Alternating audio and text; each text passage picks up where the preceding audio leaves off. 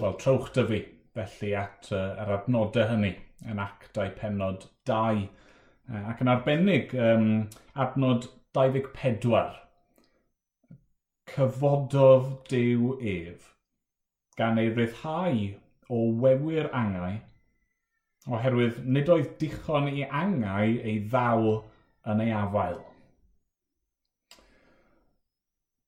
Mae darlleniad ni fan hyn yn sôn am angau, neu marwolaeth. Ac, uh, e, wel, fel ni gyn yn gwybod, mae marwolaeth ym mhob man o'n cwmpas ni yn dydy. Uh, e, wastad, mae'n rhan cyfarwydd o'n bywydau ni, ond arbennig uh, ar y foment.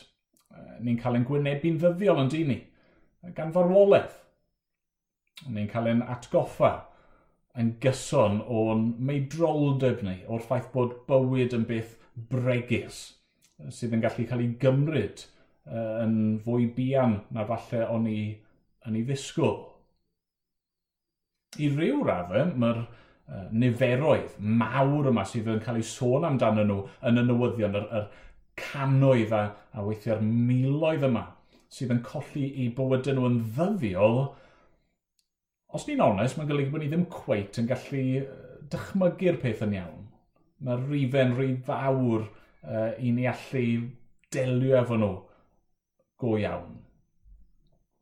Nes bod yn effeithio arno ni'n uniongyrchol pan mae'n teulu ni, neu ein ffrindiau ni, neu ein cydweithwyr ni, neu ein cymdogion ni yn dechrau mynd yn sal ac yn dechrau marw. Falle bod hynny yn wir amdano chi'r bore yma. Falle bod chi wir yn bryderus am rhywun sydd uh, yn cael gofal dwys ar hyn o bryd, neu falle bod chi hyd yn oed yn galaru. Ac um, os yw hynny'n wir, hoffwn ni gyd ymdeimlo â chi. Ac um, os allwn ni fel eglwys eich helpu chi rhywsut, uh, os allwn eich cynorthwyo chi, eich gwasanaethu chi yna, please, uh, please cysylltwch mae yna reswm pam fod marwolaeth uh, yn y Beibl yn cael ei gyfeirio ato fe fel y gelyn mawr ola. Mae e'n beth hyll. Mae marwolaeth yn beth dychrynllid, mae e'n beth creulon. Ar un lefel, mae'n beth annaturiol. Yn y dechrau, ni'n darllen bod na ddim marwolaeth pan greodd Dyw y byd yn y lle cyntaf, pan nath e osod e, pobl y ddynoliaeth i fyw yn y byd, doedd dim marwolaeth. Doedd dim salwch, doedd dim dioddefaint, doedd na ddim dagrau. Yn pechod ni, pechod y ddynoliaeth sydd wedi dod am marwolaeth i fewn i'r byd – Ein pechrod ni yw reswm pam bod ni methu cael perthynas cywir efo Dyw, methu cael perthynas cywir gyda ein gilydd, yn methu cael perthynas cywir gyda uh, er byd o'n cwmpas ni. Ein pechod ni sydd wedi achosi i uh, salwch ac afiechyd a, a ffoen a gorthrwm a'r holl bethau hynny ddod i fewn i'r byd. Cyflog pechod yw marwolaeth a felly mae marwolaeth yn elyn. Ond beth i ni'n ei ddathlu'r bore yma yw hyn, fod y gelyn yna, y gelyn mawr olaf yma, wedi choncro gan yr arglwydd Iesu Grist clywon ni ddydd Gwener yn do, am y ffordd naeth Iesu farw ar y groes, sydd nath ei aberthu ei fywyd e dros ein pechod ni, sydd nath ei gorff marw e gael ei osod mewn bedd. Ond ar y trydydd dydd, heddiw, sil y pasg, fe atgyfododd e, mewn buddigoliaeth. Nath e ennill y frwydr dros bechod, dros y diafol, dros bob gelyn arall i e dros marwolaeth ei hun. A dyna mae Pedr yn, yn atgoffa ni ohono fan hyn. Fel rhan o'i bregaeth e, mae'n disgrifio yr atgyfodiad mewn ffordd trawiadol yn dydy. Cyfododd Dyw ef gan ei ryddhau o wewyr angau. A mae'r gair yma, gwewyr, mae'n air bydde wedi cael ei ddefnyddio ar y pryd i ddisgrifio poen graig wrth esgor. Hynny wrth roi genedigaeth i blentyn. A falle wrth glywed hynny ni'n crafu'n pen. Pam yn y byd fod Pedr yn sôn am marwolaeth fel, uh, fel labour, fel uh, poen esgor graig? Ond fi'n credu bod yna ddau reswm. Um, gyntaf i gyd, falle bydd rai ond chi'n cofio, mae poen graig wrth roi genedigaeth, mae'n gysylltiedig efo'r cwymp. Mae'n rhan o'r felltydd sydd ar ein byd ni. Wrth i y ddynoliaeth wrth rhyfel yn erbyn Dyw, mae Dyw yn cyhoeddi barn. Mae'n dweud nawr fod ein profiad ni o fywyd mynd i fod yn, yn ddiflas mewn lot o ffyrdd. Mae gwaith, uh, yn aml yn mynd i fod yn lafurus ac yn galed ac yn, yn anodd. A bydd Gragedd yn dioddau poen wrth esgor. Ond chi'n gweld fan hyn be mae Pedr yn, yn ei ddweud felly? Mae'n dweud nawr fod Christ i dod, nid yn unig i ddelio gyda'r felltydd, ond mae wedi dod i e trwy farwolaeth trwy'r poenau esgor yna fel petai, er mwyn dod â bywyd newydd. Fel mae graig yn mynd trwy'r boen yna ac er mwyn dod â bywyd newydd i'r byd, mae Christ wedi mynd trwy gwewyr angau er mwyn dod â bywyd tragwyddol. Chi'n gweld i'r Cristion, e, i rheini ohono ni sydd â ffydd yn Iesu Grist, mae hanes y pasg a atgyfodiad yr arglwydd Iesu Grist, mae e yn traws newid y ffordd i ni'n gweld marwolaeth. A mae'n dal i fod yn elyn, ond mae'n elyn sydd wedi i choncro. A mae'n dal i fod yn beth poenus, yn beth amlhyserus, ond mae e'n rhywbeth sydd hefyd yn arwain at fywyd newydd. Nawr mae Pedr fan hyn, mae'n mynd ymlaen yn dydy i ddweud rhywbeth arall trawiadol. Mae'n dweud, nid oedd dichon i angau ei ddal yn ei afael. Hynny yw, mae'n dweud, nath Iesu Grist farw, ond doedd marwolaeth ddim yn gallu. Oedd e'n amhosib i farwolaeth dal gafel yn Iesu Grist. A beth fi eisiau gwneud felly yn, yn sydyn y, y bore yma, yw ystyried pam fod hynny'n wir uh, pam fod rhaid i Iesu Grist atgyfodi? Pam bod yna ddim unrhyw beth arall fel petai'n bosib i ddigwydd, ond bod e'n dod nôl yn fyw, a beth wedyn yw'r cysur sydd yn dod i ni trwy hynny. A beth gyntaf uh, fi eisiau i ni weld yw hyn. Doedd angau methu dal gafael yn Iesu oherwydd grym Dyw oherwydd pwer Dyw, nerth Dyw. Fel pobl i ni yn ddiamadferth yn erbyn marwolaeth. Ys dim os beth i ni'n trio, e, ys dim os faint o ymdrechu sydd i estyn ein bywydau ni, dos yna neb sydd wedi gallu byw am byth. Ond dydy Dyw ddim yn wan ac yn ddi ymadferth fel ni. Y pwy yw Dyw? Be sy'n wir amdano fe? Wel, fe yw y Dyw byw. Fe yw'r un sydd yn galw ei hunan yn yr ydwyf, yr un sydd just yn bodoli. Fe yw'r un sydd yn fywyd ohono fe ei hun. Mae'n dragwyddo, dos na ddim dechrau na diwedd iddo fe fe yw y creawdwr sydd di creu pob peth a di roi bywyd i bob peth a sydd yn cynnal y greadigaeth yna trwy ei nerth e. Mae Iesu'n dweud yn dydi amdano fe ei hun, fe yw yr atgyfodiad a'r bywyd. Mae'r Beibl yn dweud trwy Iesu, trwy'r mab, creuwyd pob peth, fod popeth yn bodoli er ei fwy neu um, actau penod 3, mae Pedr mewn pregaeth arall yn cyfeirio at Iesu fel awdur bywyd. A felly ar ryw lefel gallwn ni ddweud bydde wedi bod yn amhosibl i'r un yma, Iesu, awdur bywyd, i aros yn farw. A byddai ddim wedi gwneud synwyr. Um, mewn un ystyr, yr ryfeddod yw bod wedi marw yn y lle cyntaf. Y bod e wedi dewis am gyfnod i rhoi ei fywydau e i lawr ac, ac uh, yna cymryd e'n ôl ar y trydydd dydd. Dyna'r sioc bod wedi dewis marw, nid y ffaith bod e ddim wedi gallu aros uh, neu bod angen ddim wedi gallu dal gafel ynddo fe.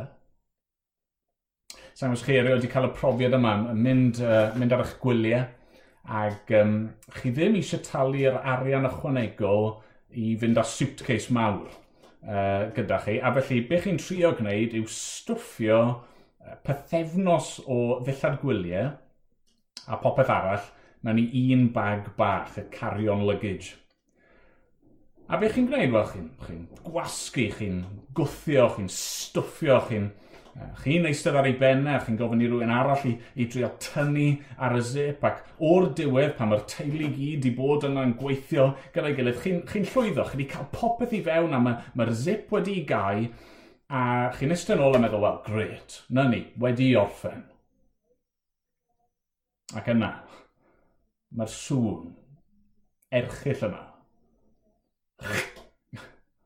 A bag yn rwygo.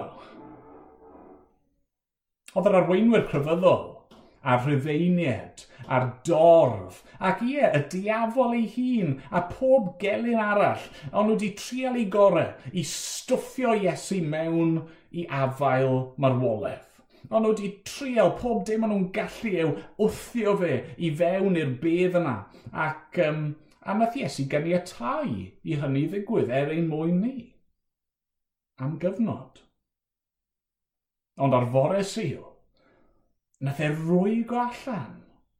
Ac uh, y nawr, trwy ffydd ynddo fe, gan bod ni, fel Cresnogion, yn un gyda fe, mae'r pwer yma, y pwer yna nath atgyfodi Christ o'r meirw yn perthyn i ni. Mae e yno ni, mae e ar waith yn ein bywyd ni.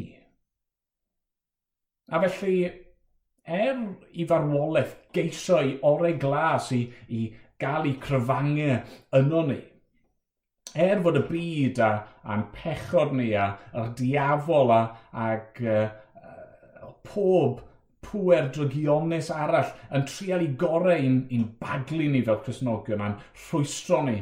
Ac ie, hyd yn oed, wrth i ni fynd yn sal a gwanhau a dioddau ac yn y diwedd marw, gallwn ni wybod y bore yma, mae nid dyna'r diwedd. Bydd marwolaeth yn methu dalgafel yn y Cristion yn fwy nag nath marwolaeth llwyddo i ddalgafel ynddo fe. Mae grym dew wedi cyfodi Crist o'r meirw ac uh, bydd grym dew yn ein cyfodi ni hefyd. Pam arall? Wel, yr ail bwynt yw hyn. Doedd angen methu dal gafel yn Iesu oherwydd addewid Dyw. Doedd angen methu dal gafel yn Iesu oherwydd addewid Dyw. Tasach chi'n mynd mlaen yn actau penod 2 a darllen mwy o bregaeth Pedr, mae'n cyfeirio yna at rai proffwydoliaethau, pethau oedd wedi cael ei dweud canrifoedd ynghynt am y Mesoea. Ac uh, yn benodol, proffwydoliaeth oedd yn dweud bydde fe ddim yn gweld llygredigaeth. Hynny yw bydde corff y Mesoea, y brenin, uh, ddim yn pydru mewn bedd. Ac yn ddiddorol, y dealltwriaeth iddewig oedd bod corff marw yn dechrau pydru, yn dechrau drewi ar ôl y trydydd dydd. Yn ei dynodd yr, yr cut-off point fel petai. Ac felly, um, falle bydd rhaid chi'n cofio pan mae Iesu'n mynd uh, yn ystod ei fywydau e i atgyfodi Lazarus, ei ffrindau, e. mae Martha, chwaer Lazarus, mae hi'n hynod o amheus. Pam? Achos mae Lazarus di bod yn y bydd ers pedwar diwrnod. Hynny yw, mae gorffa e erbyn y pwynt yna di dechrau pydru mae hi'n meddwl. Ond fan hyn, er mwyn cyflawni a addewid Dyw, bod y Mesoea ddim yn mynd i weld llygredigaeth o gwbl, oedd rhaid i Iesu atgyfodi ar y trydydd dydd. Er mwyn cyflawni a addewid Dyw, doedd na ddim byd arall yn gallu digwydd. Ond wrth gwrs, jyst un addewid yw hynny. A mae'r Hen Testament yn llawn o broffwydoliaethau am y Mesoea. Canoedd o eiriau. Gafodd ei ysgrifennu dros canoedd o flynyddoedd mewn ieithoedd gwahanol a gwledydd gwahanol a, ac diwylliannau gwahanol. Geiriau wedi ysgrifennu mewn arddulliau gwahanol gan bobl gwahanol, ond i gyd yn, yn sôn am yr un person, y Mesoea a, a sŵd fydde fe uh, yn, yn cael ei enni, a sŵd bydde fe'n byw, pa fath o gymeriad bydde ganddo fe, a sŵd bydde fe'n diodde, ac uh, sŵd bydde fe'n marw, ac yna sŵd bydde fe yn atgyfodi cyn barnu y byd. Chwad oedd Dyw di addo, dro ar ôl tro, beth oedd yn mynd i ddigwydd. Ac fe felly roedd rhaid i Iesu atgyfodi achos mae Dyw bob amser yn cadw i air. Bob amser yn cyflawni i addewidio yna. E. Er fod yna degell lle chi'n darllen yr hen testament a, a fi'n siŵr bydde pobl ddiw drwy'r canrifoedd i darllen y pethau hyn a meddwl, siwr gall hyn ddigwydd? Siwr gall hwn i gyd sôn am yr un person? Ond yna mae Christ yn atgyfodi am yr cwbl yn dod yn glir. Sa'n gwybod os chi wedi gwneud a ddewyd erioed a am ba bynnag reswm ddim wedi gallu cadw'r addewid yma. Mae yna amgylchiadau tu hwnt eich reolaeth chi, wedi'ch rwystro chi Falle bod hwnna wedi bod yn wir yn ddiweddar, falle o'ch chi wedi afo gwneud rhywbeth dros wyliau'r pasg, mynd ar ryw wyliau neu gorffen rhyw prosiect neu prynu rhyw anreg i'r teulu a, a nawr chi wedi methu. Sdim byd yn gallu rhwystro cynllun diw. Sdim byd yn gallu rhwystro fi rhag cyflawni i addewidio yna. E. Mae yna linell hyfryd mewn un emyn sy'n dweud agorau'r môr pe byddai rhaid.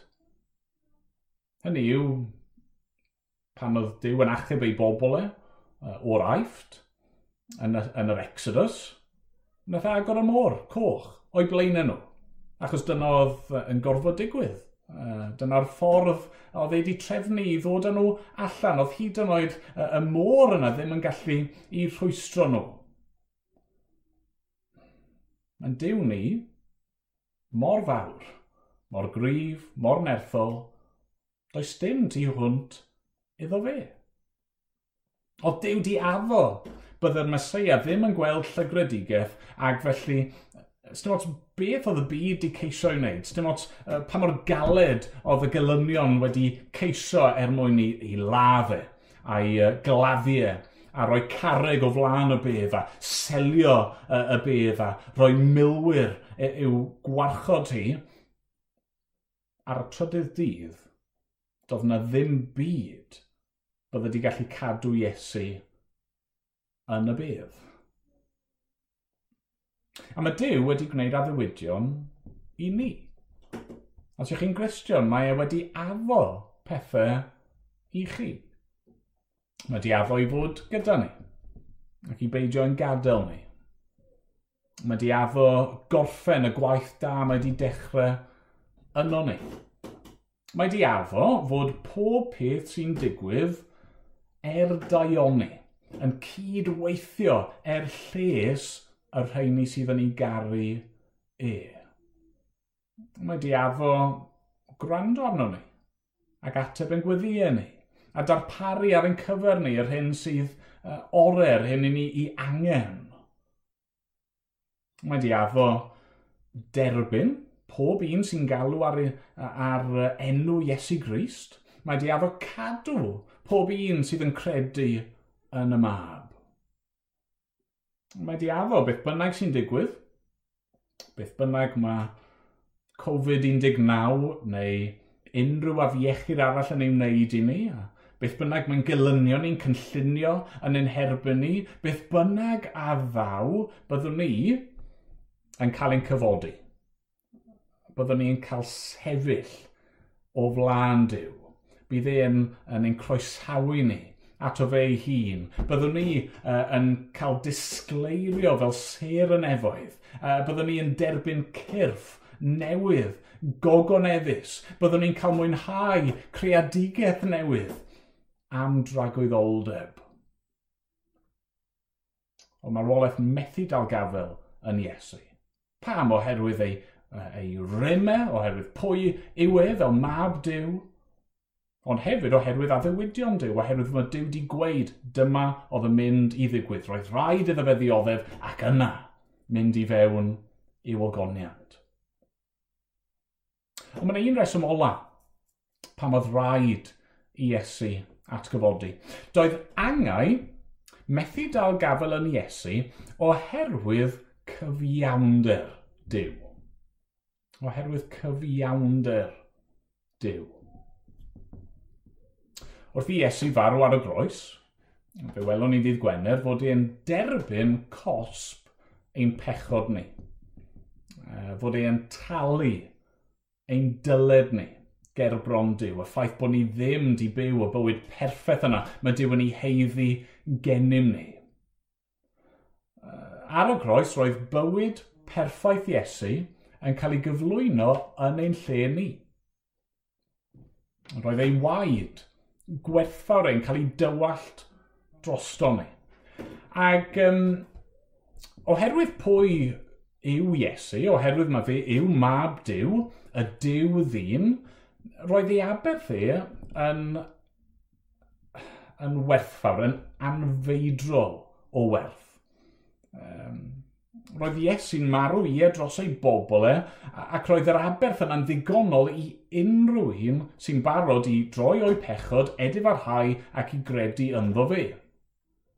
A felly, pan mae Iesu'n marw wrth i'r diwedd ddod, e, mae'n cyflwyno ei enaid i ddiw, a mae'r tad yn derbyn yr aberth yna. Mae Iesu'n gweiddi gorffenwyd, hynny mae'r cwbl ar ben, mae'r pris wedi ei dalu ac mae marw. Ac gallwn ni ddweud, oedd hynny'n ddigon i glirio ein dyled ni. Uh, os y'n ni uh, uh, yn overdrawn fel petai ger bron diw, mae hynny'n ddigon i glirio'r dyled, i'n gadael ni uh, yn neutral. O'ch chi gweld, er fod Iesu di marw yn ein lle ni, er fod diw y tad wedi cyfru Iesu'n eog yn ein lle ni, er bod diw di gosod ein pechod ni arno fe, mi roi fe yn ddi bechod. A felly, mae'r tad yn ei gyfodi e, yn ei gyfiawnhau e, Ar y trydydd dydd, wrth i'r arglwydd Iesu Gris dod nôl yn fyw, mae'n dangos yn hollol ddi amheuaeth fod e wedi gwneud y pethau hynny er ein mwyn ni. Fod e wedi diofen, nid achos ei bechod ei hun, ond am ein pechod ni. Felly mae Iesu yn atgyfodi, dyw marwolaeth methu dal gafel ynddo fe oherwydd cyfiawnder Dyw. Mae gan marwolaeth hawl, mae, mae marwolaeth gallu rhoi gryfangau mewn i bechaduried a dal gafel yn dim uh, arno ni, ond nid arno fe, achos oedd e yn gyfiawn. A felly mae Dyw yn ei gyfiawnder yn ei gyfodi. Ond chi'n gweld i ni nawr, os yw Christ i talu ein dylid, os yw wedi cymryd ein cosb ni, yna does na ddim reswm gan marwolaeth i ddal gafel yn o'n ni mwyach. Does na ddim uh, unrhyw gyhyddiad. Mae'r diafol yn gallu dod yn ein herbyn ni. Pam? Achos mae Christ wedi diodde, mae e wedi ei gyfodi a nawr ynddo fe rydyn ni hefyd wedi ein cyfiawnhau. Y ni'n cael ein cyfri yn ddieog. Y ni'n cael ein cyfri yn ddibechod yng ngolwg Dyw, dydyn ni ddim jyst i mynd o'r er overdraft i neutral, o'r coch i ddim byd, na, i ni wedi derbyn credit, i ni wedi derbyn cyfiawnder Christ mae fywyd e, a'i fuddod e, a'i berffeithrwydd e'n cael ei cyfru i ni. Mae'r holl bethau hynny sy'n wir amdano fe yn cael ei ystyried yn wir amdano ni. Mae'r holl bethau hynny sydd yn eiddo fe, ei etifeddiaeth e, yr uh, holl breintiau hynny mae ei wedi ei hennill, maen nhw'n cael eu rhoi a'i rhannu gyda ni. Gweld oherwydd fod Dyw yn gyfiawn, roedd rhaid i Iesu ddod nôl yn fyw. Ac oherwydd fod Dyw yn gyfiawn, gallwn ni fod yn hollol hyderus bydd ei yn ein hatgyfodi ni hefyd. Nid oherwydd pwy ydw i a beth i fi wedi wneud, ond oherwydd pwy yw e a be mae Christ wedi wneud. Falle, uh, chi fel Christian, wrth i chi nesau at farwolaeth, wrth i chi deimlo reality marwolaeth, falle bod chi yn, yn ofni neu'n am. Ar y bod chi'n dechrau poeni, yn cwestiynu eich, eich proffes chi, y ffordd i chi wedi byw. Falle bod chi'n meddwl nôl dros y blynyddoedd yn cofio'r holl camgymeriadau, yr holl adegau chi wedi methu. A, a falle bod chi nawr yn dechrau poeni, wel, ydw i wir yn mynd i atgyfodi? Ydy Dyw wir yn mynd i fy nerbyn i? Wel, os yw eich ffydd chi y bore yma yn yr arglwydd Iesu Grist, os oes dych chi'r ffydd syml yna sydd yn dweud sa'n gallu achub fy hun, fy unig obeth i yw i ymddiried ynddo fe a be mae fe wedi wneud, sa'n mynd i geisio achub fy hunan, sa'n mynd i drial cyfiawnhau fy hun ger bron dew, fi jyst yn mynd i gredu ynddo fe a'i ddilyn e yn awr. Wel, mae Dyw wedi'ch derbyn chi'n barod mae wedi dangos bod e'n eich derbyn chi yn barod trwy atgyfodi Iesu o'r meirw. Mae'ch atgyfodiad chi yr un mor sicr a'r ffaith fod Christ yn barod wedi ei gyfodi, oherwydd fod Dyw yn ddiw cyfiawn.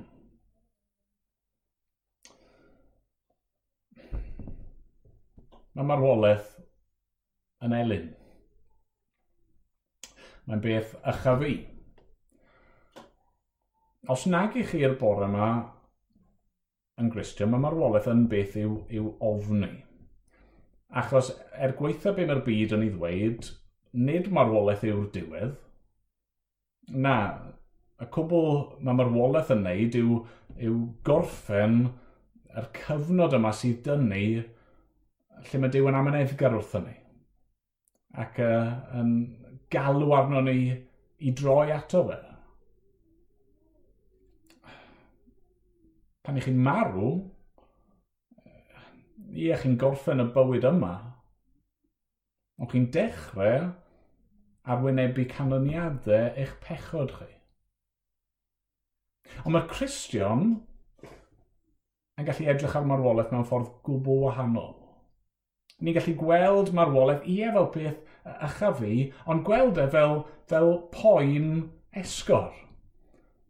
Rhywbeth mae Christ yn barod wedi mynd trwy fi er mwyn rhoi bywyd newydd i ni. Uh, ie, peth diflas, peth ychaf i, ond rhywbeth sydd uh, yn rhaid i ni fynd trwy er mwyn dechrau ar y bywyd tragwyddol yma mae ei wedi ennill ar ein cyfer ni. Er mwyn ei enwau. Amen. Amen. Wel, i ni yn mynd i ganu eto ar ddiwedd yn oedfa ni. Uh, emyn sydd yn, yn pwyntio ni at y Christ atgyfodedig a yr ffaith mae fe yn unig sydd yn deilwng i defnasu. Fe yw'r brenin ar ei orsedd oherwydd fod e wedi atgyfodi.